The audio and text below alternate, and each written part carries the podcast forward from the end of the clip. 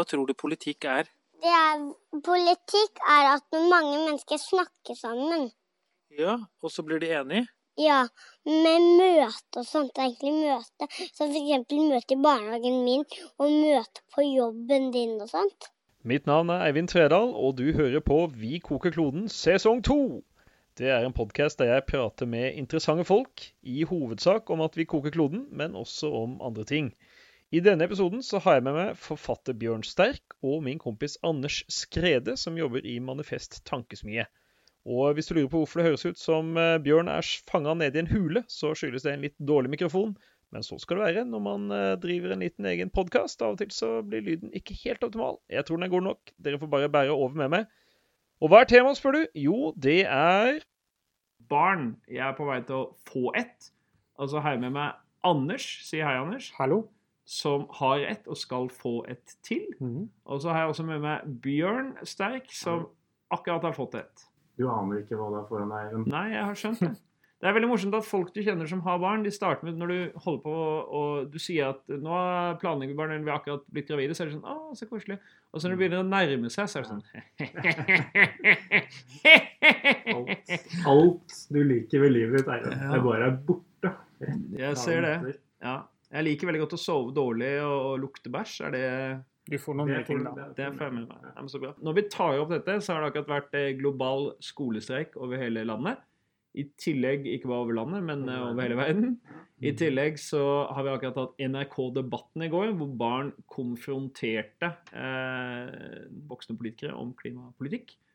Og eh, noen av oss vil jo da mene at barn, det å få barn er en litt sånn skjellsettende opplevelse som kanskje blir satt i et ekstra spenstig lys når man eh, er veldig opptatt av klima og har klimadilla. For det er klart at det å tenke 80 år fram, det er ikke alltid like gøy hvis du er sånn oppdatert midt på treet oppdatert på FNs klimapanels eh, rapporter.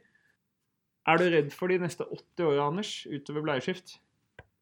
Altså utover bleiskift Ja, jeg, er, kan jeg, være, jeg er bekymra pga. det som skjer med klimakrisa, og fordi jeg har barn. Eh, men så har jeg lurt litt på hva er det jeg er bekymra for. Fordi én ting er jo liksom endringene eh, som kommer, men så er det sånn, hva skal jeg gjøre med det som, som pappa, da? Eh, det er jo det jeg har tenkt litt på det Ja, for siste. når du får barn, så er det veldig sånn at du også blir plassert i en rolle hvor du skal kunne alt. sant? I teorien, du skal jo nå ha løsninger på dette. Ifølge din datter, må jeg anta. Ja, Hun er litt liten, hun er fire år, da, så hun har ikke helt fått med seg problemet ennå. Men jeg, det var det jeg skulle si da, jeg bare jeg har liksom tenkt på hvordan skal jeg liksom forklare, og hvordan skal jeg forholde meg til at det, dette er på vei til å, å, å, um, å skje. Altså klimaendringene kommer. Eh, og um, Da. Uten at hun begynner å gråte. ja, uten å liksom skremme livet av, av, av barn, da. Og Eh, uten at hun begynner å hate deg som Ja. representant for generasjonen som har ødelagt verden. Og, og da, jeg tenkte jeg bare skulle fortelle en ting, da. fordi at eh, Dere har kanskje ikke sett mye ennå, men dere kommer jo dit til å se på det som heter Planetpatruljen, f.eks. Som er litt sånn som alle miljøagentene. Eh, og i Planetpatruljen, så eh, Dette elsker datteren min, da. Da får du jo eh, møte Tullerud. Han er en voksen person. Eh, han gjør ting som du ikke skal gjøre, sånn som å kaste batterier i eh, søpla, eller liksom legge plast i havet, eller sånt noe. Og så prøver de barna. De prøver da eh, å si til Tullerud at det skal han ikke gjøre, og så svarer Tullerud én ting, og dette syns jo datteren min er kjempemorsomt. Han svarer at han er voksen, han vet best, de kan bare glemme det. Og så er selvfølgelig den fine moralske historien her er jo at de barna de gjør noen grep, og så eh, går det jo bra, for da Tullerud skjønner at han har tatt feil, og så må Tullerud rydde opp, da. Og det er jo sånn kjempebra liksom, oppbyggende for barna her. Da, da kildesorterer man eller man gjør noe. Mm. Tullerud han er så tullete, for han kasta batteri rett i søpla. Og så har det slått meg at Problemet med denne historien her er bare at klimaendringene er litt annerledes. Eh, det er nemlig sånn at Du kan liksom ikke bare rydde opp batteriene eller fjerne plasten på samme måte. Det er en sånn større ting. Så i det jeg føler at NRK er veldig flink her da, til å eh, liksom lage, lære barn at de skal ta ansvar og hva miljøutfordringer og alt mulig sånt noe, så har vi liksom ikke kommet helt i gang med klimautfordringene. Eh, med mindre jeg tar feil, da, at de bare finner en fiks løsning veldig fort. Men moralen i den historien der er vel at det er ditt personlige ansvar å redde verden. Alt går bra hvis du gjør ditt.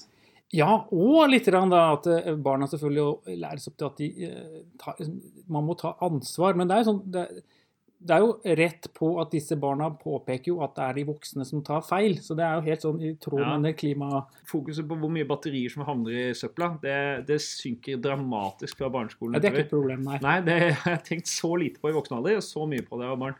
Men jeg tenker også på den liksom problematiske sida av det som det overliggende, som er på en måte det er barnas ansvar å passe på at de voksne gjør ting riktig. For det husker jeg også var mye av det er kanskje typisk sånn eh, trope i, i barne-TV. da, Men jeg kom på liksom, da jeg var liten, så satte vi opp Den levende skogen. Og da også tema, da spilte jeg de voksne jeg spilte, han ene i det skuespillet som var pappaen. Og han satt og spiste potetgull, og så sang han om at naturen er noe dritt. Og så tror jeg naturen eller barnet, jeg husker ikke hvem av de som, som oppklarte at det, det er den ikke. Så det er jo interessant at vi indoktrinerer barna våre, det har vi gjort i nå to-tre generasjoner, at miljøhensyn det er noe som de voksne ikke tar, og som barna må lære de voksne. Er, ikke det en litt sånn, er det ikke det vi nå ser utspille seg i stor skala? At det liksom, Jo, fordi... vi har fortalt dem det på barne-TV hele veien, og nå gjør de det.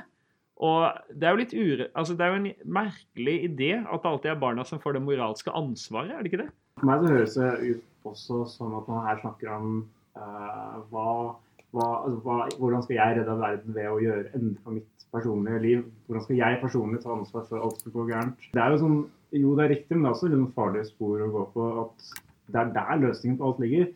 Men det er, det er jo litt pedagogisk utfordring å forklare en unge, da. Så, Ja. Hør nå her, barn. Vi har en lovgivende, og vi har dom, dom og domstoler, og vi har en utøvende makt. Og næringslivets struktur, og nå skal vi si den, forklare hva insentiver er. Så vi må jo fortelle barna sånne enkle moralske historier om eh, Inntil et punkt, ja, men et Ja. spør- punkt så, så spør de hvorfor Men hvis det er så ille, da, hvis alt dette er sant, hvorfor, er, hvorfor har dere ikke gjort noe? Og da må de liksom begynne å si ja, nei, eh, det var jo eh, det var, Jeg husker jeg leste en historie som gjorde inntrykk på meg på sånn systemnivå da jeg var barn. og Det var en veldig enkel fabel som handla om en eller annen eh, landsby i Italia. Jeg føler jeg har vært i den landsbyen, for jeg har vært en del langs Amalfi-kysten og sånn. Der er det sånne steder hvor de er liksom inni fjellveggen nesten. De er liksom bygd opp der. Og så handler det om at alle plukker De skal bygge et nytt slott eller noe sånt, og så tar de steinene til å bygge slottet fra grunnmuren, som hele byen er bygga på, i fjellveggen. Så hver stein de henter opp, så, da, så er det større og større sjanse for at, at hele landsbyen raser ned fjellveggen. Og det husker jeg leste som åtte-niåring. Jeg bare tenkte ah, det er sånn det er. Det er litt påskeøya. Hva sa du, er litt- Anders? det er litt påskeøya. Ja, det var litt sånn, men det var også veldig sånn, det var en fin måte å forklare meg som barn sånn cirka hva liksom systemproblematikken var, da. Mm. at man eh, på en måte, Det fantes et grunnproblem i måten vi angrep på en måte hele, eller bygde hele samfunnet på. Mm. Så kanskje det er sånne ting vi må fortelle ungene, og ikke bare at de må ta han der, eh, hva han kalte seg, Lurifax, eller han fyren med de er- batteriene. Men Det er ingen måte, det er ingen måte å fortelle det til barna. Det er det som gjør meg litt sånn eh, redd for å ta den samtalen en dag. Det er ingenting jeg Det er det som er nye samtalen. Det er ikke blomstene og biene. Ja, ja, ja, det, det det får de med en gang. Men det er sånn, det jeg vil fortelle dem nå, er hvordan hele samfunnet er i ferd med å bryte sammen. Og, det er, øh, og det er du som skal redde verden. Og det er din jobb. Det er ikke min skyld. Mm, um, jeg, skjønner, jeg skjønner at du er veldig øh, Det er fordi deg du må på fotballtrening. Eh, Ja, jeg husker du den gangen dere dro på tur til Italia. ja, dere koste dere i Syden, ja. Men jeg skal fortelle deg CO2-regnskapet. Det er en del av problemet. Men det skjedde jo i går på NRK Debatten. Så sto jo Fredrik Solvang og sa 'rekk opp hånda, alle som har vært på sydentur'. Det er, jo ikke disse ungene som har tvunget gjennom den sydenturen. De har vel blitt med fri, altså Det er vel foreldra som har betalt for det, liksom. Det er veldig rart at det liksom blir sånn moralsk pekefinger mot barna, og det er deres eh, skyld, er det ikke det? Men det går til kjernen av, Ja, ja. av noe viktig her, som gjør alt dette så, så vanskelig. Eh, At det er ikke bare å kaste ei søpla på riktig sted, det er, det er grunnleggende endringer i Ja, det- det liker jeg. Ja. Ja, og for si noe, for, det, for du sa jo det liksom, ja, men er det liksom på systemnivå, eller er det liksom individnivå, da, for å være litt, litt sånn tørr og kjedelig. Og da tenker jeg liksom at eh, jeg vil jo tro kanskje at vår generasjon, altså vi, eh, vi fikk nok liksom miljøagentopplæring og la, la, la til at vi skulle klare å forstå det her. Men jeg føler jo ikke per i dag at eh, vi har lykkes. Eh, og så tenker jeg sånn, jeg håper da at neste generasjon da skal se enda mer Planetpatruljen, og så, så klarer de å liksom mobilisere nok. Eller, eller, er det, eller er det faktisk sånn at det vi må forberede på, er at nei, det, det kommer jo heller ikke til å løse seg nå, så nå er det, vi må liksom forberede på at det går galt. Hvordan håndterer man det? Det er det jeg føler folk undervurderer, er hvor ekstremt mye miljøpropaganda min generasjon også fikk. For folk er sånn, Ungdommen i dag de har skjønt det. De er, eh, de er woke på miljø, og det, det var ikke vi. Men jeg husker, for det første, Kykeli Kokos. Det var regnmiljøpropaganda. Det var også oppdraget til Kykeli Kokos. Det handla bare om resirkulering. Det var det eneste vi så på barne-TV. I tillegg så hadde vi Den levende skogen. Vi hadde bla, bla. Vi hadde Altså Miljøengasjementet i Norge for å si det sånn, var høyere da jeg begynte på barneskolen enn det er i dag, ifølge statistikken. Det var flere som var bekymra for klimaendringer, og det var flere som stemte på miljøengasjerte partier i liksom, typ valget 1989. Eh, Da var jeg riktignok fire år gammel, da, men, men enn eh, i forrige stortingsvalg. Så det er en eller annen sånn, jeg, Dette går jo litt i sykluser, og så tror jeg folk innbiller seg at nå kommer liksom en helt ny generasjon. Men i teorien så skulle egentlig jeg jo vært en helt ny generasjon. da. Eller Jeg vi. er, jo bare, jeg er et par år eldre enn deg, kanskje. Og jeg husker ingenting om det. Jeg tror det kom Jeg er 25, så det er kanskje litt Du er eh, 25, ja? Nei, ja, Ja, litt, ok, litt, det- litt over det. det. Jeg husker ingenting av det. Jeg tror, jeg tror det kom eh, akkurat kanskje med din generasjon. da. At Ja, jeg- altså Det var jo min unna. fødsel. Da sa de her kommer det en fyr med ganske sterke meninger om miljø. Han trenger en tilrettelagt barn. barnehage. jeg, jeg Det som jeg syns er helt rått at de ungdommene som nå eh, demonstrerer om klima, at de sier tydelig fra om, det er jo Uh, Vær så snill, ikke si 'dere er løsninga, dette skal dere fikse'. Mm. Eh, for det er så sinnssykt provoserende, og det husker jeg vi fikk høre hvert sabla Vi hadde årsmøte med Natur og Ungdom. og Hvert år kom olje- og energiministeren eller noe lignende, og vedkommende sa alltid 'dette skal dere fikse, dette er deres ansvar'. Så var vi alltid litt sånn 'hæ, det er jo du som er minister', skal ikke du skal ikke du begynne, da? Så kan vi fortsette om 15 år, 20 år, liksom. Og det som skjedde på NRK i går også. Akkurat de, samme. Sa, de, de sa det samme, og, og, og de ungdommene var akkurat like eh, overrasket. Og skal vi gjøre det? det, det, det, Det høres jo urimelig ut. Det er liksom sånn, Du kjører rundt med din far som er ingeniør, liksom, og han peker på ja, nå kjører vi over en bro som den kommer til å kollapse når som helst. Det er livsfarlig å kjøre her. Dette skal du fikse, min sønn. Det er liksom, jeg kan ikke du starte, pappa, hvis det liksom er såpass prekært at eh, Nei, nei, det det Ja, passer men det, ikke så bra. det er derfor jeg følte at treffende her er at de voksne er i den situasjonen situasjon Syns jeg debattstudiet er egentlig litt sånn tullerud da, i denne planetspesialen. De, de, de, er, liksom, de erkjenner på en måte at problemet er der, men, men, men den handlingen som barna etterlyser som jeg blir litt sånn, Det er veldig voksne barn som står der. Og så blir jeg, tenker jeg, og litt barnslig voksne, på en måte. Eh, fordi man sier hele tiden at vi har gjort så mye, skal gjøre så mye. Og så får du jo sånn direkte spørsmål da, men, men når skal det skje, hvor fort skal det skje? ikke sant? Så de blir utfordra, og da kommer det jo veldig lite gode svar. Ja, men så blir det sånne unnskyldninger. Det er det som gjør det så forbanna. At det å få barn har nå blitt det viktigste argumentet for å ikke ta hensyn til miljøet. Og Jeg har aldri jeg hører folk, Det er ingenting folk nevner oftere som er sånn ja, men jeg, kan jo ikke, jeg må jo faktisk uh, ha bil, fordi vi har jo barn. sant? Jeg skal jo kjøre unge til trening. Bla, bla. Og da blir det sånn, ok, Jeg skjønner jo logikken i det, at det er en tidsklemme. og alt det der, Så jeg har jo full forståelse for at småbarnsforeldre som jeg snart skal bli selv, har liksom logistikkutfordringer og sånne ting. Men det er jo passe kørka at det, liksom, ditt viktigste argument mot å prøve å kutte utslipp er jo, men jeg har barn, skjønner du. Og da må jeg nødvendigvis forurense mer. Altså, Det føles jo som om det moralske imperativet burde gå andre veien. Jeg har fått barn, derfor har jeg nå slutta å fly, liksom. Burde jo vært eh, Den kronikken skal jeg begynne å skrive etter at vi har blitt ferdig med denne Ja, jeg tenker i hvert fall at liksom etter at jeg fikk barn, så ble det liksom desto mer viktig å begynne å forholde seg til liksom konsekvensene av sine egne valg, da. Fordi de rammer litt lenger ned, og så har man litt mer sånn tygde i det når man legger i det. Eh, Jeg vet ikke hva du tenker, Bjørn, men det Jo, men Det handler jo også om at du eh, får et mye nærmere fokus. Du får et fokus mer på barna skal ha det materielt bra. Sånn de, skal ikke en, de skal ikke være fattige og lide. og sånt. De skal ikke miste de gode opplevelsene og alt det fine som barn vi vil at barn skal ha. Så da blir man kanskje automatisk litt mer sånn tenke mer, litt mer sånn egoistisk på vegne av sin familie.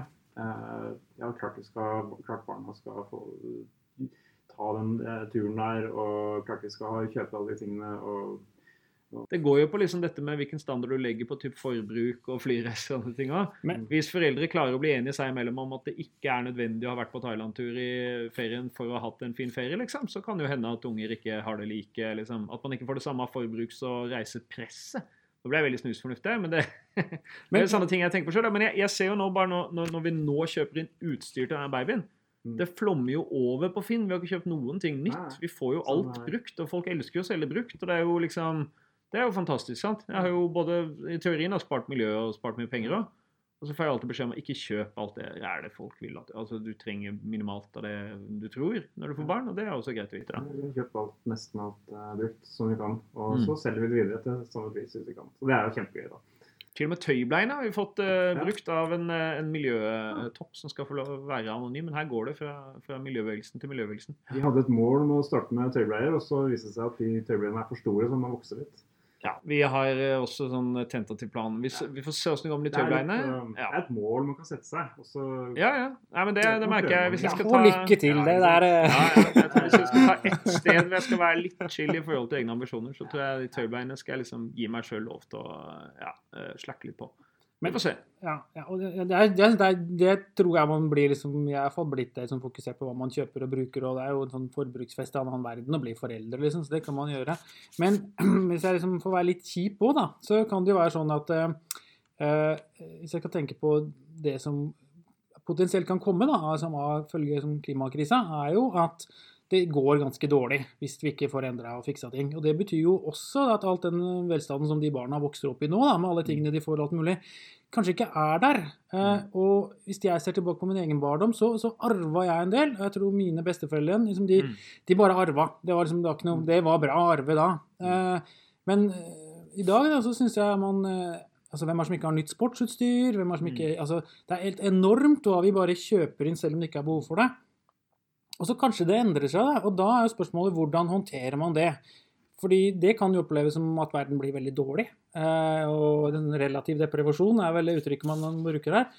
Så jeg har jo tenkt noen ganger at kanskje jeg skal liksom eh, være måteholden nettopp fordi at verden kan komme til å endre seg. At det kan komme noe. Det skjer ikke noe umiddelbart, liksom, men i, i, i en overskuelig framtid så vil noen av de godene vi tar for gitt i dag, de vil forsvinne. Og da er jo spørsmålet hvordan håndterer man det. Det er jo liksom oppdragerrollen. Å gå inn der og være, tenke så langt fram. Og så kan jeg tenke på den annen side, men det er jo helt tullete. Liksom.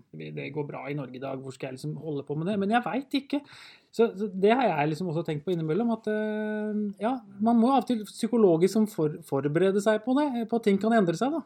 Men eh, det første jeg tror, tror vil skje, det er jo at alle de barna som eh, engasjert engasjerte nå, de møter veggen. Det er liksom, jeg, jeg du tror det vil brenne seg ut litt, liksom? Ja, jeg tror det. Jeg tror mange, veldig mange av de vil gjøre det, rett og slett fordi de har ikke makt. Altså Det var jo sånn uh, typ I København 2009 da var jo virkelig veggen, liksom. Da var det jo sånn Obama er blitt president! Wow! liksom.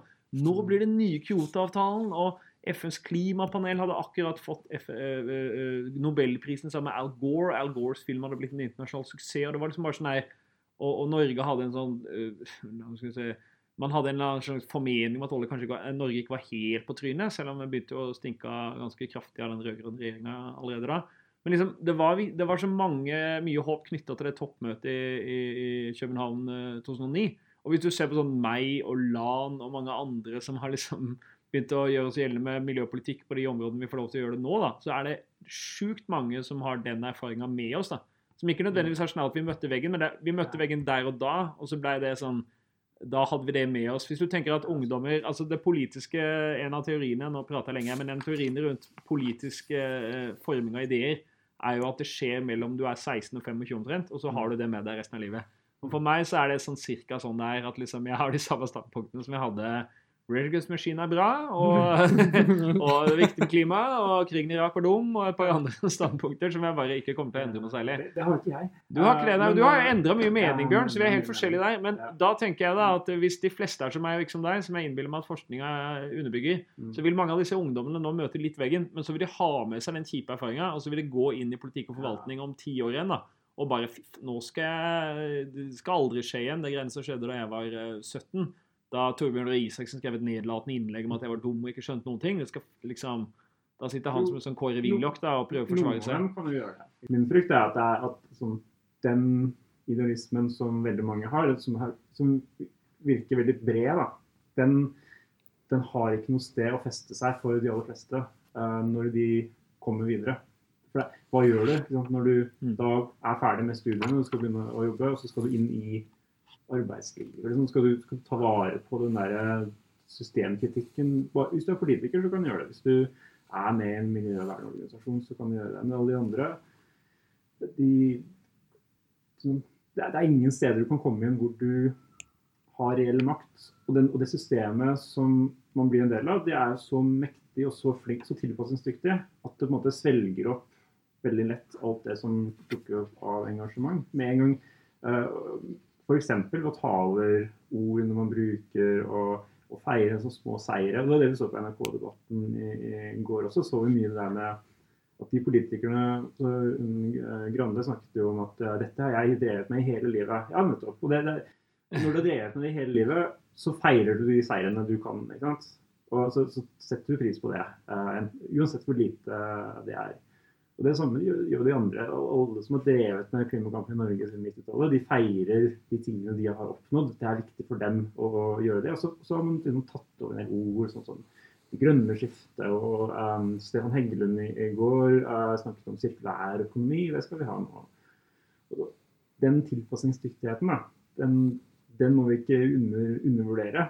Nei, altså det systemet jo alltid al- al- må si, Det er jo den der teorien om, om eh, hva det heter for noe eh, at, man, eh, at, at standpunktet på en måte ah, Det finnes et eget ord for dette her, men det suges opp og blir en del av, eh, av systemet sjøl, på en måte.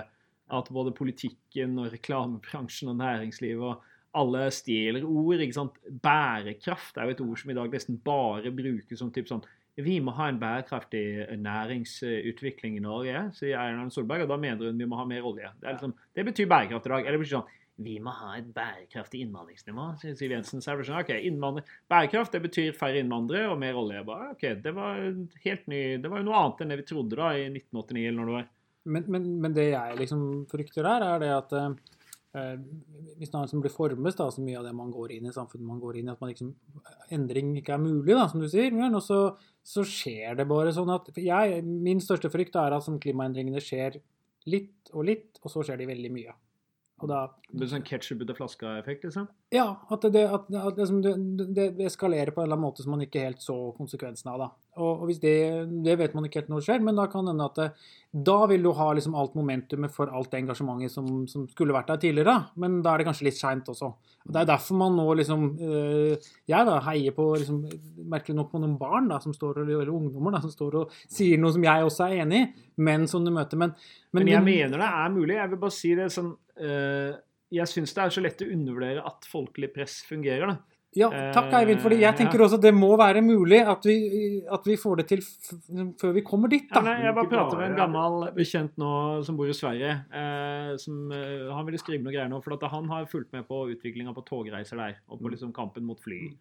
Eh, og der har det jo vært mye mer radikalt på det greiene der. At du hadde jo den svære liksom, hashtag-kampanjen for halvannet år siden. Vi jag Steinar på marken. sant? Mm.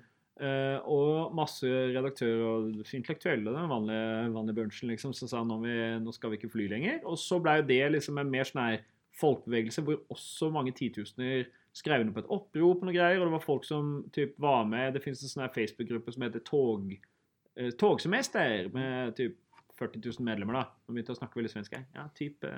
Eh, men alt det der eh, gjorde jo da at regjeringa, hvor De grønne for øvrig sitter, eh, fikk veldig backing for å faktisk bygge ut lyntog og satse knallhardt. Så SJ er jo nå nærmere SAS, liksom. De har jo begynt å bli en sånn skandinavisk togselskap som, seg, som planlegger rute til Norge og til Danmark. altså Nattog og Nattog, det er helt rått. Og, og, og greia liksom, Det er jo utløst av at det faktisk har vært folk som har pusha. Og nå går flyreisene ned. Mm. I fjor så gikk innenlands flyreiser ned i Sverige. I Norge så er det jo nærmest bare blitt lagt som en jernlov at de skal opp. ikke sant? Avinor skriver sine egne liksom, dokumenter, de skal opp, og så sier de det er for så vidt i strid med klimamålene. Og så sier politikerne bare ja, ja, bare kjør på. I vinterferien, svenske vinterferien i år så var det rekordmange familier som reiste til København med tog. Mm. Og, sånt. Og det er jo, det er jo faktisk fordi folk har eh, bedt om det. da. Folk, ikke bare barn. Ikke Nei, jeg er helt enig. Det er- er kan ikke der- bare er ja. der det liksom du må ha med flere enn Mm. bare, bare barna. Jeg er helt Eh, enig. Og det er, det er litt skummelt. Jeg, grunnen til at jeg tror mange av disse vil brenne ut, er at de, for, de løftes så høyt opp mm. av eh, oss og med, eh, medier og politikere, og alle sammen har, har en interesse av å løfte opp hvert eneste ett av disse heltene her. Liksom, og se så flott det er med at de engasjerer seg og bla, bla, bla. Altså for, jeg vet ikke, en Thunberg får fredsprisen etter hvert. Eller liksom. Så det er jo så kommer de på en så høy posisjon, og så er det ingenting de kan gjøre.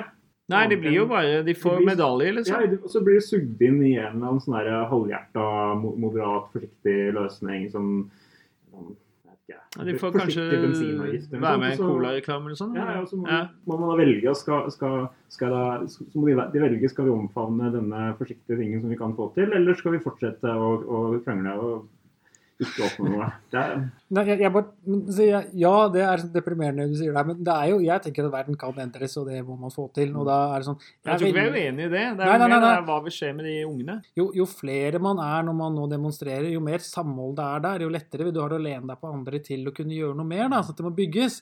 Men, jeg, er enig i allikevel kritisk det er, liksom, til det er ja, jo vi som skal gi ungene håp, det er jo ikke de som skal gi oss håp. sant? Og det er, det er jo kanskje der det på en måte ligger litt i forhold til Jeg er enig med deg, Bjørn. Jeg, jeg, jeg tenker litt på den der Det jeg føler jeg har sett mye av, da, som gjør meg Som jeg liksom har hatt den magefølelsen som du har nå, det er sånn når du ser typ eh, I norsk debatt har det særlig vært eh, unge minoritetsstemmer, kanskje Mm. særlig unge kvinner. Da er det sånn Yes, dette skal vi ha, vi trenger det.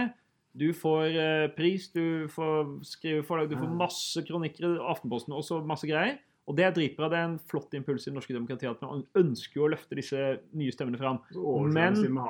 De oversvømmes med hat. De blir overeksponert veldig Mm. tidlig. Og jeg tenker på hvor bra det var for meg at jeg ikke fikk tilbud om å være alle mulige debattprogrammer og alle mulige kronikker da jeg var 1920. sant? Det var veldig sunt at jeg ble refusert og bedt om å bli litt mer tørr bak øret, liksom. Fordi Mm. jeg fikk jo mulighet til å, svømme, å plaske rundt på grunna før jeg eventuelt kunne ut på dypt vann. sant? Jeg, var litt mer, jeg hadde litt mer en gradvis overgang fra å være samfunnsengasjert og få liksom mulighet til å diskutere på riksdekkende TV og sånne ting. Det, I den grad jeg har gjort det i mitt liv. liksom, For jeg har fått noen muligheter, men da var jeg mye mer moden. Selv nå så snakker du ikke du på vegne av en gruppe. Nei, du ja, eller jeg er jo folkevalgt, da, så sånn sett Jo, så kan du jeg gjøre det. Men ikke, du ja. er ikke en sånn eh, Jeg representerer ikke en etnisk identitet. Det er ingen som sier sånn Jeg syns Eivind representerte unge menn, eh, hvite menn, dårlig i går. Dette reflekterer dårlig på alle oss andre. Ja. Nei, det er klart, eh, det òg gjør jo en Konteksten blir helt annerledes. Men det er det jeg for så vidt syns Mm. har vært For jeg har alltid tenkt så utrolig bra at disse for eksempel, unge minoritetskvinnene får plass. Men samtidig, det der kan bli en eh, tøff landing etter hvert. Og Og det har man sett et par eksempler på. Og det, og det er det jeg er også redd for her på klimaet. Altså, hva vil skje med Greta? Liksom? Hun er jo for så vidt litt sånn Skryter jo mye av det at hun, hennes, eh, hennes autisme er en styrke. Det kan godt være at hun er litt mer eh, på en måte Hun, hun er tuna på en annen måte, men, men uansett hvem det er, liksom, når, når du hever veldig unge stemmer og barn opp, så utsetter du dem for en vanvittig altså, Konspirasjonsteoriene har begynt å fly om Greta Thunberg allerede. ikke sant? Det kommer til å dukke opp masse jævelskap liksom, som er retta mot henne fordi hun blir en frontfigur. Og da er jo, hva er det vi gjør som bevegelse da? Lar vi liksom ungene bli Er det liksom hva menneskelig skjold? Liksom? Skal, vi, skal vi ha dem som frontfigurer? For det er jo det er ikke, noe, det er ikke noe gøy å stå i front. Det fine med unge er, som menneskeskjold så, er at det kommer jo stadig nye bølger. du kan sende fram mot fronten. Ja, men det, det, det er jo et eller annet så veldig ubehagelig der, da, om at liksom alle kan være enige om det hun sier. Men til syvende og sist så kommer vi til å ha en knalltøff debatt. Når vi er ferdig med festtallene, så skal vi ha en knalltøff debatt om uh, hvor dyrt skal bensin være, hvor mye skal vi fly, åssen skal vi spise mindre kjøtt. Og da kan vi ikke skyve barna foran oss. Da må jo noen voksne stå der og ta den trøkken, liksom. Da kan ikke vi bare liksom si at jo, men de søte barna vil så gjerne at vi skal være snille med kua, liksom. Da må jo vi si vi må kutte utslipp, og så må vi få kjeft, liksom. Det er det jeg på en måte Jeg skjønner Men jeg, jo ja. jeg, ja, jeg Nå, nå fratar jeg disse barna sin eh, egen altså det, det er jo de selv som stiller seg selv i fronten her, og det syns jeg er bra. Men, Men er vi som ikke- miljøvernere kan ikke på en måte la dem Vi må jo også stelle oss i front, liksom. Ja, det er helt enig Ja. Men det er også bare, sånn, for å skyte inn, det er også litt behagelig å se at det nå fins en gjeng med ungdommer som går fram og sier noe som er et alternativ til en verden full av bloggere og uh, Sofie Elise og mange Du, annet. da. hun er jo faen meg den råeste av alle. Jeg vil ikke høre ett vondt ord om Sofie Elise på min podkast. Hun er kjempemiljøengasjert. Ja, Men ja, ok, ja. Men, men, men, at det, at, det- men, at det er noen altså, Kom på podkasten ja, min. Jeg er enig i at liksom, det får være de voksne sine, sitt ansvar, da, og ikke barna. Uh, så, men det er, det er jo egentlig bare en kritikk til oss, da. Det er jo det. Men nå snakker vi på en måte om barna som om det er én generasjon som kommer, men det er jo ikke det. Det er jo én generasjon, så kommer det en til, og en til, Mhm. og en til, og en til. Og hver av dem i 100 år kommer til å slite med et problem her. Så én ting er hva denne generasjonen gjør, men det, det, vi har sett dette før. ikke sant? Masse idealistiske ungdommer og som gjør noe, og så kommer det noe etterpå. Og jeg tenker Det, sånn, det er jo det, kanskje der, der våre barn kommer inn i bildet. For de blir jo en generasjon etterpå som da får høre om eh, alle disse fantastiske barna som skulle redde verden eh, på 2020-tallet, og hva som skjedde med dem. Og, og hva, hva skjer da med de generasjonene etterpå, når de skal bygge videre Men det var ikke så uva... Altså, hvis du, da jeg ble med i Naturvern, så husker jeg at fortellinga var litt at vi akkurat hadde hatt en knalla gasskraftkamp, og at vi kanskje på en måte var på vei til å tape det. Eller det var jo det, var jo det som var selve debatten, da, for det var diskusjonen om vi skulle gå inn for CO2-rensing eller ikke. Men det var litt sånn her eh, Festen er akkurat over, fikk jeg følelsen av. For det hadde vært så kjempekampanje på slutten av 90-tallet mot gasskraft, og så var den litt ferdig. Det var liksom sånn overalt rundt forbi så lå det gamle klistremerker og Mm. liksom en sånn halvutført uh, type spørreundersøkelse altså, Nei, sånn uh, ikke sant, eh, Ja, de har samla underskrifter. Så det var jo også litt den der uh, Vi er akkurat ferdig med en kjempekampanje som, som gikk sånn passe greit. Det var jo da Natur og Ungdom, eh, daværende leder Lars Haltbrekken, var i spissen for gasskraftkampanjen. ikke? Så da var det også litt sånn her Ungdommen redder verden. Så det er, en, det, er en, det er jo en fortelling som har blitt fortalt om og om igjen. da. Og det interessante for meg er sånn, eh, det som er sykt kult med de, de, de, de, den skolestreiken nå, er jo sånn det er en konkret måte å forme det engasjementet på som skaper ny oppmerksomhet og flytter debatten, liksom. Eh, vi har alltid hatt Natur og Ungdom som en ganske unik organisasjon, i hvert fall i Skandinavia og i Norden. At vi har en, en eh, barne- og ungdomsorganisasjon, eller i hovedsak ungdomsorganisasjon, som er så politisk eh, slagkraftig. Men det er klart, eh, du må jo kanalisere unges eh, engasjement inn i noe ordentlig. sånn som En, en struktur som fungerer, det er aksjonsformer som fungerer. Og så må jo vi voksne på en måte eh, rydde i eget reir og, og finne aksjons- og på en måte mobiliseringsformer som fungerer også. Det er det jeg kanskje er opptatt av her. det da. må feste seg dypere. Ja, det må- de må jo være- det, men det er det som er så vanskelig. Ja, men Da jeg ble ferdig i Natur og Ungdom, jeg, jeg ble jo på en måte ferdig når jeg ble for gammel. sant? Da jeg var 25, så kunne jeg ikke være med der lenger. Og da ble jeg med, da da jeg begynte å studere, og så hadde jeg liksom et år eller to, og så begynte jeg å jobbe i Naturvernforbundet.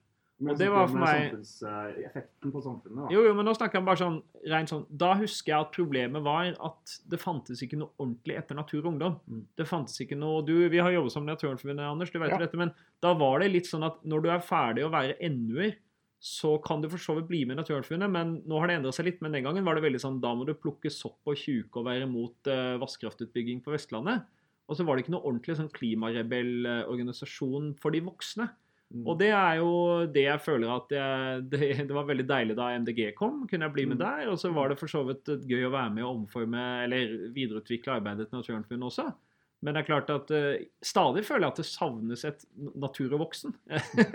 som er like tøft som natur og ungdom. da, Som, som, eh, som jeg tror vi faktisk Det mangler mer engasjement hos voksne enn hos barn i dag. Og, og da må jo vi liksom jobbe videre med det. da. Eh, og, og klare å mobilisere flere enn folk som bare jobber fulltid med politikk. Da, enten de er som skribenter eller som eh, å si, politikere eller andre ting. Det er de store, dype endringene i samfunnet som teller, da. Um, og disse bølgene av engasjement og sånt, de kommer, og så, så dobler det av. Uh, og så er spørsmålet endra det noe grunnleggende i samfunnet, eller ble det bare noe et, et, eh, blaff der og da. Og det, jeg, jeg, jo, jeg tar jo kanskje pessimistrollen her, da. Uh, sånn Litt. som- Ja. Eh, bare, sånn, vi har jo sett sånn, folk som skal redde verden før. og sånt også. Og det, jeg, jeg veldig fascinert av det temaet. Altså, folk som går ut og sier at verden, og sånn, verden rått når vi skal eh, fikse på noe sånt. eh, og, og, og hva som skjer med dem. Um, mitt sånn, altså, de, de folka som eh, er ute på gata i dag, en dag så får de barn. og så forventer vi at de barna skal være like engasjerte som foreldrene sine og skal gjøre akkurat synes dette er like kult som mamma og pappa. Nei, de gjør jo ikke det. Men, men jeg mener at det er en forskjell nå. fordi at mine foreldre og på skolen, det var aldri egentlig sånn veldig tydelig hva klimaendringene er. Mens det er tydeligere i dag. Ja, ja. Og, og, det, er liksom, det, er, det er negativt i seg selv, men Mm. som en forståelse av det, så tror jeg at man har, man har brukt en del år nå på hvor, hvor liksom oljeindustrien og lobbyister har vunnet fram mot et budskap, men så begynner det å, å krakelere litt. Og det er, det er jo ikke bare fordi at man har kanskje blitt bedre og fått MDG, eller man er liksom flinke til å selge budskap, men det er jo rett og slett fordi at Altså, det, det er frølager, det, det smelter jo rundt det. Det skjer ting. Eh, og og det, jeg tenker at altså, da må man jo bygge opp under det til å få til nå, da, endring før det er for seint. Og det, det, det, synes jeg er en forskjell. Det råeste i går på NRK-debatten, det var jo åssen de ungene kjørte politikerne på olje. Mm. For det føler jeg virkelig er sånn her Greia med oljeutvinninga i Norge er jo at det, alle skjønner at det er gærent, og så må du lære deg at det ikke er det. liksom. Mm. At det, det, det kontraintuitive standpunktet er jo at olje er bra eh, for klimaet. Det er et eh, standpunkt som alle voksne nordmenn etter hvert liksom lærer seg, men som åpenbart ikke egentlig har noe godt grunnlag. Og som barna ikke skjønner. Og det er jo, Da er det jo deilig, da er det jo keiserens nye klær-stemning. Da. da er det jo veldig deilig at vi kommer inn og sier det. Men jeg tror det er veldig viktig også å klare altså Jeg ble i hvert fall veldig lykkelig av å høre det. Men så tenker jeg hvis bare vi får mange nok nå som skjønner hvor galskap det der greiene der er fordi det er, jeg har kjempa med dette, eller jeg føler jeg har ment det samme her i 20 år. Nå blir jeg veldig mye sånn tilbakeskuende, skal forsvare min egen Men jeg, jeg merker at det føles som om den massive liksom, eh, veggen av olje er bra, eh, begynner å sprekke litt opp. da. Eh, og det hadde vært deilig. Det Det, kanskje er for sent. Ja, det er jo for seint fordi hva var 17 milliarder tonn med CO2 vi har pumpa opp i form av olje allerede. ikke sant? så tar det mange år å faktisk gjennomføre en Ja, ja. utfasing. Du kan liksom ikke bare stenge ned ovnsynet. Nei, det vil være vanskelig, selvfølgelig. Men det er, det, man Men må i hvert fall starte med å anerkjenne problemet. Da. Det, er, sånn, det er vanskelig å slutte å drikke alkohol men hvis du ikke tror at det er skadelig. Så har du liksom, da har du en enda lengre vei å gå. Så er det liksom, eh, ja.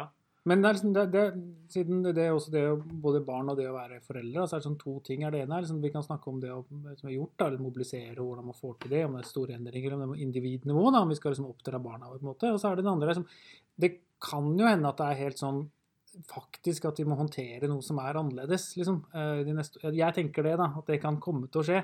Eh, Og det vet vi ikke helt hvordan er. Men, men at det, de som foreldre så har vi i hvert fall et ansvar for å begynne å forberede oss litt på det. Og forberede barna våre litt på det. fordi jeg, Vi har vokst opp i en kultur nå som har enormt forbruk. Det bare øker. Vi har fått bedre og bedre råd. Vi har besteforeldre som har kjempegod råd. ikke sant? Man Mange av flyr. oss, ja. Ja, mange av oss, er ikke alle, men, men altså, sånn generelt så er jo det, det er et velstandssamfunn i Norge.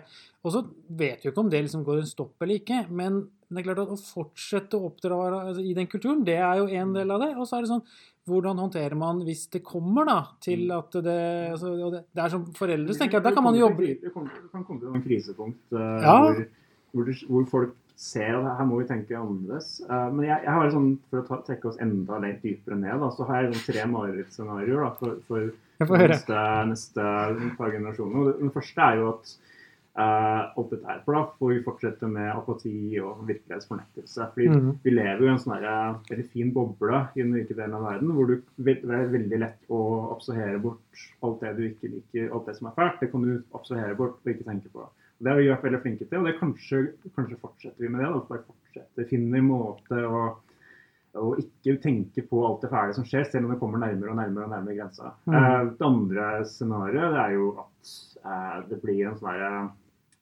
en ressurskonflikt som bringer ut det verste i oss. At det blir en Mm. vending mot det nasjonalistiske og nesten fascistiske. og dette med vi, ok, Alle kan ikke ha det bra, da må i hvert fall vi sørge for at det går bra med oss. ikke sant? Mm. At ok, olje er dritt for verden, men vi eier olje. Vi skal pumpe opp olje, skal ta alle pengene. skal vi gjøre det beste mulig for oss. Og så skal vi bygge en mur og la klimaflyktningene betale for den. ikke sant? Mm. Og så den tredje og det aller verste, mørkeste Ja, det var scenariet. ikke det verste. Nei, det, ja, ja, nå, ja, ja. Det er dypere og dypere. Det verste, det som skremmer meg mest, er jo at ok, det blir et varig skifte, og de kommende generasjonene tar dette problemet kjempeseriøst. Og så kommer de til å, å komme og snakke med oss, da, mamma og pappa, og, og forakte oss dypt og inderlig for alt det vi ikke gjorde. Liksom, Ja, ja. Det er Ja, jo ja. som eh, å vokse opp i Tyskland i- på 50-60-tallet. Det, det, det, Ja. det var vel den stemninga der òg? Da, da må de bære konsekvensene av Ja. all, det, all den utsettelsen vi har gjort. Og så ser de på alle de valgene vi gjorde. og Det stemmer jo med verdiene i den verden vi lever i i dag. Men la oss si at det blir en varig endring om 20-30 år. Så er vi Men det, Det- det- det, men er jo ikke det- så historisk unikt, da, for bare for å ta det. sånn, Det var jo typ altså Enten du snakker Tyskland etter krigen, eller du snakker liksom altså, Det har jo vært mange sånne historiske epoker hvor et eller annet skifter seg. og så er det sånn Pappa, du eide slaver, gjorde du ikke det? Ja. Men du vet det bare sånn Nei, men, men det var jo ganske dårlig gjort, var det ikke det? Så det, jeg mener sånn, det er jo ikke så unikt. Og jeg mener eh, På en eller annen merkelig måte så føler jeg litt òg at det er nesten naturlig. Altså, det er så mange altså, det er fælt, da. Jeg vil jo ikke, Ja, det er jo fælt, men skal, skal jeg veit vet jo at mine typ, at pappas generasjon, hvis, de, hvis kjøleskapet er ødelagt, så bare tok de det ut på fjorden og dumpa noe stein oppi og senka det ned. Det, det er jo tåpelig, sant? Men jeg går ikke, jeg går ikke rundt og er liksom sånn moralsk indignert. Jeg bare tenker ja, ja, det var sånn det var da. Og så vet jeg også at de var litt mer rasistiske, at homofile ble straffa fram til ganske nylig. altså sånn, Men det er ikke sikkert du slipper like lett unna. Nei, det kan kan hende. Jo, men jeg var jo med i miljøbevegelsen. Men og jeg kan, kanskje Ja, men ikke helt si. eh, Men jeg, jeg- jeg, vil jeg- ikke, jeg- jeg vil ikke sjokkere for mye, men jeg og min kone Lan eh, har jo av og til sånne refleksjoner som er sånn Vi kan gjøre det, men hvordan skal vi forklare vårt kommende barn? liksom sånn. Men det er jo en fin målestokk. Hvis du skal bruke barna som moralsk kompass, så kan du i hvert fall tenke sånn Hva skal jeg forklare? Dette er verdens mest banale ting å si, da, men, men faktisk tenke litt praktisk sånn Ja, åssen forsvarer jeg det da ja, i jeg unngå å bli 2055? i? Jeg må helst ha en Ja, men, men det, det tenker jeg. altså det, du- Vi kan komme til å møte et sånn enormt sinne her, liksom, Mm. Seinere. jeg- Og det kan være berettiga. Og så, så, så jeg, liksom, jeg føler at det å få barn og bli voksen handler jo egentlig bare om at man etter hvert også begynner å tilgi sine foreldre, for du skjønner jo hvor håpløs den oppgaven her var. ikke sant? Du, det det, dette fascinerer meg, Bjørn, for at det din utlegning om det verste alternativet. Og det viser hvor dyp protestantisk ånd jeg har. For meg er det det beste. Jeg blir helt Jeg, liksom, jeg sikler i munnviken. bare, Tenk om de barna redder verden og stiller oss til ansvar, og vi må bote for våre synder og Altså, på, akkurat når jeg, altså det er sånn jeg husker jeg som, som barn eller som ungdom leste 'Forbrytelse og straff', så jeg skjønte jo 100% når Raskolnikov endelig kan vende seg til Gud og be om tilgivelse, og endelig blir eh, på en måte prøver å rense sin sjel. Det er jo Man skjønner jo hva slags eh, dyp forløselse det er. Altså, jeg, for meg er det som, på et psykologisk og filosofisk plan liksom åpenbart en utopi. Om, om jeg skulle bli stilt til dom, så må jeg liksom sitte der og mumle til mine barn at nei, jeg, jeg angrer som en hund på den flyturen vi tok i Men 2014. jeg kjemper jo noen kamper kamp for å gjenopplive noen gamle kristne ideer. om Ja, du er jo my- mystiker, du. du Ja, jo, eh, men du liker det ikke. Hm? Nei, for jeg er ateist, men jeg, jeg har enorm sans for den uh, hva man skal si, jeg, jeg vil jo også ha en annen form for moralsk orden i universet. er- Jeg er ateist, og så liker jeg kristendommen. Og Ja. liker, um, ja, jeg syns det er en fin, fine verktøy å ha med å kunne snakke om rett og galt. For jeg. Dette er jo en veldig banal igjen kanskje refleksjon, men min hovedkritikk av norsk klimapolitikk, som kritikken av kvoter, det er jo først og fremst en kritikk av katolisisme. Eh, altså selvfølgelig at man kan eh, Det, det er jo det er, det er, Det er morsomt hvordan disse moralske, disse gamle kristne hva man skal si, eh, bildene kommer inn. Men alle snakker jo om dette med å kjøpe seg fri og Ikke sant? Altså, men det er en misforståelse. Nå, nå, nå er, må vi tilbake i historien her, men altså, det var jo ikke sånn avlatshandel om du kjøpte deg inn i himmelen. Det, det som er morsomt med Arendalshallen det var jo en skatt at var- også, da. Du, du kjøper deg kortere tid i skjærsilden, Ja, ja, ja. uh, som, som er fint, men det, det, det, det er ikke det som får deg til himmelen. Du var på vei til himmelen allerede, bare det Mm. tar en million år kortere år. Uh, men, men greia med avlatshandel var at den var spesielt populær i Nord-Europa, altså de samme, om, de samme landene som etter hvert ble protestantiske. Eh, Og men hva var poenget? For igjen så mener jeg da Det, det er jo da riktig ut fra et eh, altså For meg så er det da målet med klimapolitikken er jo selvfølgelig å gå fra en, en eh, annet fra en uh, mislykka katolsk klimapolitikk til en vellykka protestantisk klimapolitikk, der vi alle er sånn haugianere og bare setter i gang miljøvennlige prosjekter på, i hver bygd. ikke sant? Og, og gjør landet vårt grønt på egen teig, istedenfor å sitte og sende pengene våre til Rom eller da til klimakvoter i Brussel. Jeg syns det er mye bra i katolisisme. Altså, Ja, altså Min kone er katolikk, så her må jeg være forsiktig. Men eh, vi er begge tror jeg ganske protestanske i klimapolitikken. Ja, ikke sant? Men hvilke, hvilke, liksom, hvilke uh, dyder er det vi da skal gi barna våre, som skal håndtere den verden? da, hvor Nei, det da på en er det måte... jo eh, ta ansvar for deg sjæl. Husk at Gud ser deg alltid og dømmer deg hardt. Nei da. Ja, men Den viktigste verdien jeg, jeg vil gjenopplive, er det evnen til å sette grenser for seg selv. Det å si, tenke jeg skal ikke ekspandere uendelig og ta over verden og være, ta all plass og gjøre alt. Jeg, jeg har grenser. Sånn. Og det er en fin tanke for personlig og for land og osv. Den, den vil jeg gjenopplive. Men det er, jo, det er jo dette det er. Altså, det vi gjør med disse barna, er jo en, også en slags religionserstatning. Da. Altså, vi, vi søker etter en eller annen uskyldig kraft som kan dømme oss på en eller annen måte. Altså, når vi snakker om hva skal vi si til barna våre om 50 år, så er jo det også en, en erstatning for Gud. Så det vi sier er det er noen vi skal stå til doms for, og derfor må vi oppføre oss ordentlig. Har du tatt inn deg helt den her kritikken mot miljøvernere om at det er miljø er den nye religionen? Nei, altså mitt poeng er jo egentlig bare at vi alle er eh, religiøse i huet. Eller vi, vi tenker moral ut fra noen eh, modeller som eksisterer i samfunnet rundt oss. Så selv om jeg ikke er religiøs, så ser jeg jo at vi alle søker etter en form for mening i tilværelsen som også da følger noen sånne logikker. Sånn at når vi tenker vi gjør noe galt, så tenker vi også vi må svare for noen. Og så er svaret kanskje vi må strengt tatt ikke det. Vi kan slippe unna med det, men det føles jo ikke riktig det heller. Og da konstruerer vi det tankeeksperimentet med dette barnet. Men det kunne jo vært til Gud. ikke sant? Det er jo bare det at, eh, Og det, det var kanskje en lettere pedagogisk oppgave i gamle dager å, å si Gud. Men vi får jo da si at det er lite grunnlag for å tro på Guds eksistens. Men, men vi ønsker jo å stå til doms på en eller annen måte. Og da å, da, da blir det barna da, som må ta den rollen. Sant? eh, Poenget mitt med marerittsscenarioene mine var, var ikke at det ble en av delene, men at det er de tre gruppene folk deler seg opp i. da. At, får, at barna våre, våre tre eller flere barn, blir enten apatiske, eller så blir de slags fascister, eller så kommer de til å hate oss. Det, Ja, så da er det beste det tredje, da, igjen, mener jeg. Det, det er jo det ja, det er- apatiske folk og fascister syns jeg jo begge to er helt bånn i bøtte.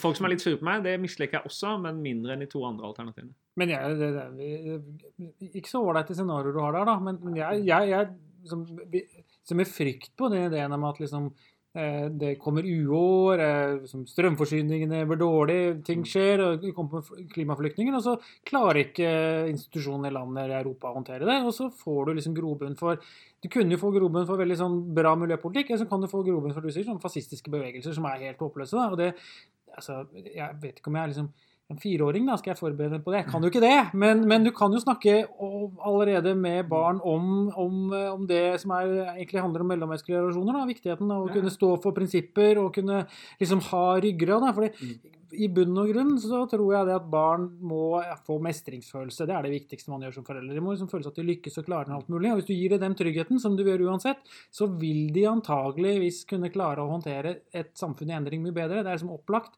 Men det føles som det er kanskje desto viktigere nå, da. Uh, det morsomme for meg også er liksom hvordan vi diskuterer og Der har du et veldig godt uh, poeng, Anders. i forhold til liksom, hvordan vi, det, er, det er vanskelig å forberede noen på noen du ikke vet hva er. Kan det hende at uh, liksom, alt dette bare er At det at kloden koker, det, det gir seg utspill på masse måter som vi ikke helt forstår, men at noen av de måtene er at det bare rakner med type at en uh, senil idiot blir president uh, i USA, f.eks.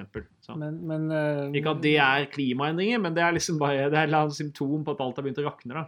Ja, men liksom, når vi er først er i det dystre hjørnet, da, så tenker jeg sånn eh, Det kan jo hende at det, det blir en generasjon som vil gå igjennom et sånt, for, for sånn fullt sånn kollaps, da, eller et eller annet sånt noe. Eh, og de som kommer etterpå, da, de vil jo måtte bygge seg opp igjen fra noe som er dårlig, da. Eh, for, for meg er det sånn uklart om det er best å være på høyden, og så går det nedover, og så skal man håndtere det, eller om det er lettere å komme fra ganske dårlig utgangspunkt og liksom komme seg oppover, da. Men, eh, men, men i hvert fall sånn eh, Jeg tror Norge det gøyeste er å være pappas generasjon og starte med at, at det er ganske sånn midt på treet, eller dårlig da, etter krigen, og så bare pju! Ja, det er Rett det. Hvert år. Det virker Ja. helt konge. Ja, og det, da kan, hvis det der snur nå, da, så kan du få en generasjon som ikke fikser det der spesielt bra. da, Ikke er veldig handlekraftig, blir ganske apatisk, som du sier, og bare liksom Men jeg syns ikke vi skal bare snakke om hvordan, hvilken Nei, generasjon vi kommer til å få. Det er jo spørsmål om hvilken generasjon vi ønsker å være sjøl. Liksom. Det er Ja. det som er interessant. Eh, Men jeg, jeg, jeg, jeg kom på noe helt annet som bare Når vi har vært i det dystre hjørnet, så er det sånn Det som gjør meg eh, ikke skremt, men liksom fascinert, og det er kanskje min egen innstilling til livet òg, men jeg merker veldig sterkt at når jeg får barn nå, eller skal ha barn om eh, en måneds tid, så er det liksom, eller litt over det, så er det en følelse av at jeg melder meg inn i en sånn irrasjonell optimismeklubb, som jeg alltid har observert utenfra. Så sånn, jeg har følt at alle har en viss irrasjonell optimisme. Jeg har noe av det sjøl òg. Men at den blir så mye altså Insentivene til å gå rundt og trekke på skuldrene og si sånn Ja, men det, det ordner seg jo på et vis. Altså, den Det blir jo liksom mer og mer nå liksom noe jeg må si. Sant? Når du får barn, jeg, når jeg får mitt eget barn, så, så kan jeg ikke gå rundt og si dette barnet kommer til å få et helvete. Jeg må hele tida gå rundt og si til meg sjøl og andre sånn Ja, det, er, det blir tøft med klima og miljø og alle krisene, men det, du vet, vi finner jo alltid en løsning. Det, altså, det, må, det må være en positiv moral på slutten av historien, liksom. Det er det jo til alle, alle eventyr for barn. sant? Bortsett fra jeg leste jo Oscar Wildes eventyr da jeg var barn. og Konklusjonen alltid var superdeprimerende. Men, og jeg likte den veldig godt for øvrig. Men, men de fleste barn foretrekker eventyr som slutter veldig positivt. da. Og, og da blir man jo sittende der sånn Men du vet, lille jenta mi, at uh, til slutt så gikk det bra. Jeg vet ikke hva dere føler på det. Er det liksom ikke, er det ikke noe der? jeg, jeg tror at det er, det er en del av det å ha vokst opp i eh, et eh, trygt, rikt velferdssamfunn. Så har du den der i ryggmargen, den følelsen at det ordner seg. At du, den sitter veldig dypt. Derfor så gjør den det for meg. da. Jeg har, jeg for meg så har jeg ekstrem sånn grunnfølelse av at det ordner seg. Ja, for du er ikke egentlig stressa. Du bare ja, jeg er ikke Ja, det er stress, Det er ingenting stresser meg. det var abstrakt for deg. Ikke abstrakt, men det er sånn, det sitter, er ikke en noen dyp personlig følelse. av- Nei, Det er det samme for meg. Jeg har ikke noe sånn weltschmerz eller noe sånn angst i bånn av min sjel. Ja, Men det har, med, det har jo med det samfunnet vi har vokst opp i. Jeg kommer ikke til å nyte det Munch-museet. Jeg, jeg kjenner ikke på de følelsene. Det er sikkert bare fordi jeg var bakfull hele tida. Men fortsett. Ja, eh, du- for det sitter så dypt at når du først har liksom hatt den trygge bakgrunnen, så blir det liksom alle, så, så vant du at det fortsetter. Altså alle, alle mennesker i alle situasjoner har valgt å få barn. Det er jo ikke nødvendigvis fordi man tror at verden er så bra rundt seg. Eh, Det er noe som, det er mer enn noe grunnleggende instinkt som det er veldig vanskelig å få folk til å la være med. Ja, men da, ikke sant, så nå, Du fratar deg sjøl rasjonell eh, tankegang nå. Du Det er bare ikke tenker at det, å få barn. Nei, sant. Det er jo, altså, Nei, jeg ser det. Hva slags monster er det som tar en rasjonell beslutning? Jo, men folk argumenterer er sånn i dag. Folk sitter jo i type avisspaltene og diskuterer fram og tilbake. liksom, Jeg mener, Erna Solberg holdt jo nyttårstale om at vi burde få barn. sant? Det er jo ikke som Ingenting som er mer sexy enn det. Ja, når- at- ja, Jeg syns dere skal få barn. Ja, men Det er jo ikke urasjonelt å ha det ålreit, da. Ned med buksa. Nei. Det, det er- jo, men det, er jo, det er jo ekstremt ålreit å få barn. Det er ålreit å være sånn. sammen barn. Du, Det er det første som har små barn som sier det da, at det er ålreit. Jeg har aldri hørt noen bruke det. Men Jeg altså, altså jeg har hørt de sier det. det er, Livet mitt ble mye bedre etter jeg fikk barn. Det er bare slitsomt på den måten, men det er, det er jo det mest verdifulle. Så det jeg er ikke en rasjonell beslutning Ja, ja. på samme måte som jeg har alltid hatt lyst på barn, så jeg er på en måte veldig positiv sånn sett. Jeg gleder meg masse, men, men jeg, jeg, jeg bare tenker sånn Hva hvis jeg ikke har råd til å anerkjenne fakta lenger, liksom? Hvis, hvis det skjer med deg, så er ikke det fordi du får barn, men fordi du er politiker. Som politiker så Ja. vil jo du fortsatt i, i, kanskje mange år bli involvert i ulike former for styre, hvor du føler deg knytta til det, de valgene og de seirene som, som, eh, som skjer, uh, uansett hvor små de er. Du feirer jo nettopp uh, at det har vært litt kutt i, i klimautslippene. Ja, det syns jeg er stas. Ja, det, er, det, er, det er jo fint. Men altså, det er, det, det er jo i prinsippet det samme som de politikerne fra NRK gjorde i går. Se på det fine vi fikk til. Uh, og vi fikk til det, det og det og det og det. Og så det, blir, det er jo en sånn felle man lett går inn i. Ja, du, du kan alltid gi folk en eller annen form eh, jeg, jeg skjønner hva du mener. At du kan eh, du, man, man blir for opptatt av å forsvare det lille man får til, istedenfor å rette en fundamental kritikk mot uh, hele systemet. Eller uansett hvor mye eller hvor lite du får til, så blir det viktig for deg å forsvare det om 20 år. Du Ja, ja. ser tilbake på alt det du brukte tiden din på, og sier ja, ja det var faktisk eh, jeg, jeg Men det gjør jo folk uansett om de har vært liksom eh, skal si, jobba som stillasarbeider eller vært lærer. Eller, altså, uansett hva folk holder på med i livet sitt, enten det er basert på politikk eller karriere eller bare for å få lønn, så vil de jo prøve å rettferdiggjøre det for seg sjøl ved reisens slutt. liksom. Det er jo ikke som om det er noe unikt ved Ja, men Politikere har ekstra behov for å vise, si at vi Ja, ja. til en bedre verden. Det hadde vært gøy hvis noen skrev en sånn selvbiografi og bare Nei, dette var bortkastet. Burde aldri holdt på med politikk. Det var, ja, det hadde vært rått hvis noen skrev den boka. Det var sånn bortkasta karriere. Det var, jeg stilte til valg for dette partiet, og det var ikke så mye vits. Jeg mener at alle som har vært involvert i kvinnepolitikken de siste 30 årene, på en eller annen måte har vært mislykka.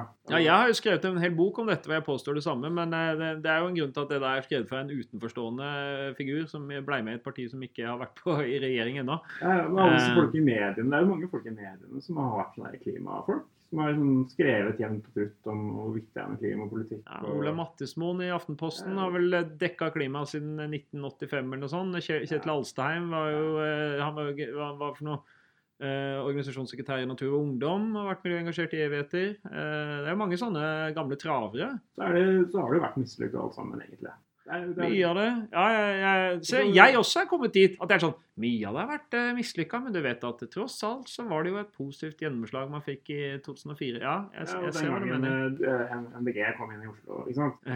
Det er du fra og med nå, så starter jo det den det, Nå er jeg inne i den uh, eh, bobla. inne i den bobla. Ja, jeg ser Mens jeg fortsatt kan være på utsiden. Du kan være- Det er, det er rart, for jeg, jeg, jeg er liksom Jeg er jeg, du, dere, dere, dere tror det går grunnleggende bra, da. Mens, men Nei, jeg, jeg sa ikke det. Nei, Jeg sa nei. bare at jeg ikke kjenner på en konstant følelse Ja, ver ja. verdenssmerte. Ja. jeg kjenner mye på den. eh, liksom, jeg, har den. jeg, jeg er alltid den. da, liksom At det går gærent. Det er min grunn- grunngreie. Du er litt mer nevrotisk, kanskje? Ja, jeg, vet, jeg tror ikke det er det. Bare, det er min, Men, men, men, men historien håper jeg liksom blir jo at vi lærer våre barn at eh, ja, det var en hel generasjon, og faktisk flere, som gjorde feil. liksom. Man bare, man brukte ikke sik sikkerhetsbelte, og man, eh, man, så fløy man hele tiden, og så la, la, la. Men nå så må man gjøre noe med det, og dere er liksom, det skjer. At det, det kommer dit. da.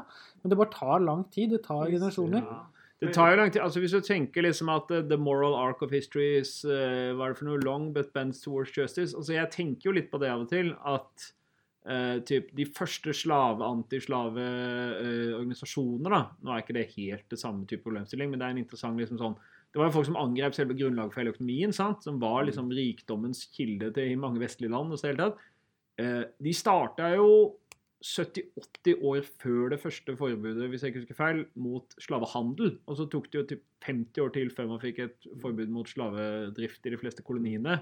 Og det var jo ikke før 1880-tallet eller noe at, at de, eh, Portugal også ga seg. ikke sant? Jeg har jo av og til mareritt om at Norge er Portugal i den historien. men altså hvis hvis tenker på oljeutvinning, Men det er et eller annet der da som, som innebærer at eh, jo, man avskaffa jo slaveriet, og så var det 100 år til før man ble helt kvitt rasediskrimineringslover. også, sånn at Jeg- det er jo ja.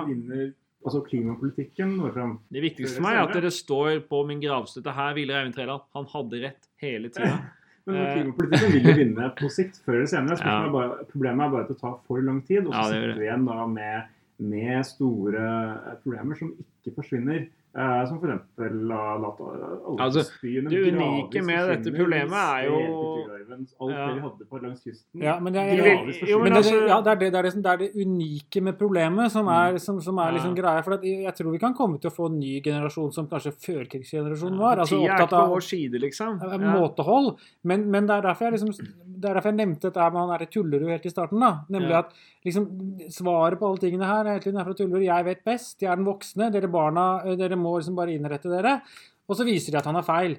Men så er det sånn at forskjell på liksom det, det å returnere ting, altså det som plastretur eller, eller batteriresirkulering Alt dette her er noe annet. Dette klimaendringene er mye større og mye Og det er det som liksom gjør meg sånn både sånn Ja, selvfølgelig vil du få mobilisering, for det kommer, men kommer den tidsnok, da? Og det er, det er, det, det er den jeg liksom lurer på. Skal jeg forklare det på et eller annet punkt, da? Men hørte ikke, hørte ikke at det kom elfly nå snart? Ja, det kom kommer- Det er, det det. Ja.